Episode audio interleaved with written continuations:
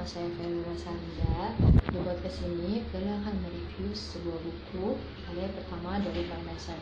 Dan buku ini juga masuk ke dalam daftar buku bestseller versus The New York Times and Washington Post.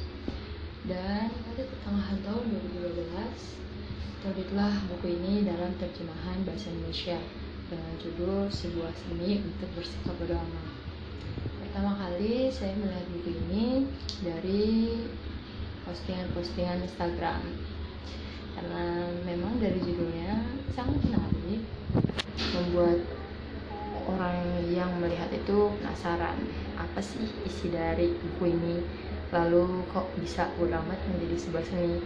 Maka dari itu di sini saya akan membahas poin-poin yang saya dapat setelah membaca buku ini Mark Manson menulis bahwa buku ini tidak berbicara bagaimana cara meringankan masalah atau rasa sakit, bukan juga panduan untuk mencapai sesuatu. Namun sebaliknya, buku ini akan mengubah rasa sakit menjadi kekuatan dan mengubah masalah yang masalah dan mengubah masalah jadi lebih baik. Khususnya buku ini akan mengajari untuk peduli lebih sedikit.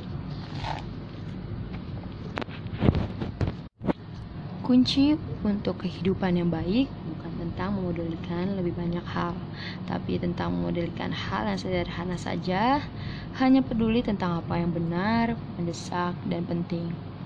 Ini mengubah sudut pandang kita tentang kepedulian yang kita miliki agar kita dapat mengendalikan, membatasi kepedulian itu dengan memilih hal-hal yang penting yang memang harus dipedulikan karena memodulikan sedikit hal yang bermakna dan bodoh amat kepada lain hal yang kurang bermakna akan membuat kita menjadi seorang yang lebih bahagia.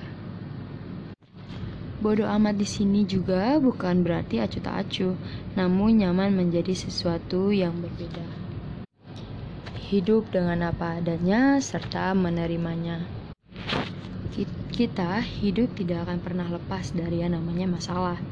Justru dari perjuangan menghadapi permasalahan itulah pada akhirnya kita dapat menentukan kebahagi menemukan kebahagiaan, kebahagiaan. Seperti halnya sebuah ujian kelulusan. Di awal kita bekerja sangat keras untuk belajar dan pada akhirnya mendapatkan hasil yang memuaskan. Hidup terus berjalan jadi sekarang ini kita bisa menyisihkan perhatian kita yang semakin berkurang untuk hal-hal yang benar-benar layak dalam kehidupan kita.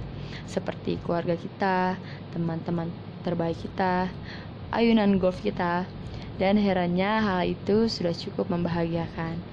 Penyederhanaan ini sesungguhnya membuat kita senantiasa merasa sangat bahagia.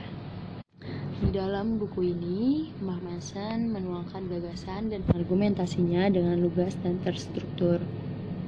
Namun menurut saya, bahasa dalam buku ini agak pelik untuk dimengerti.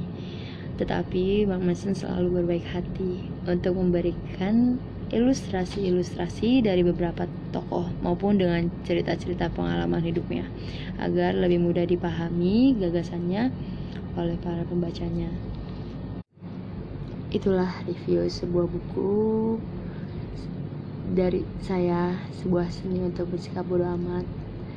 Terima kasih sudah mau mendengarkan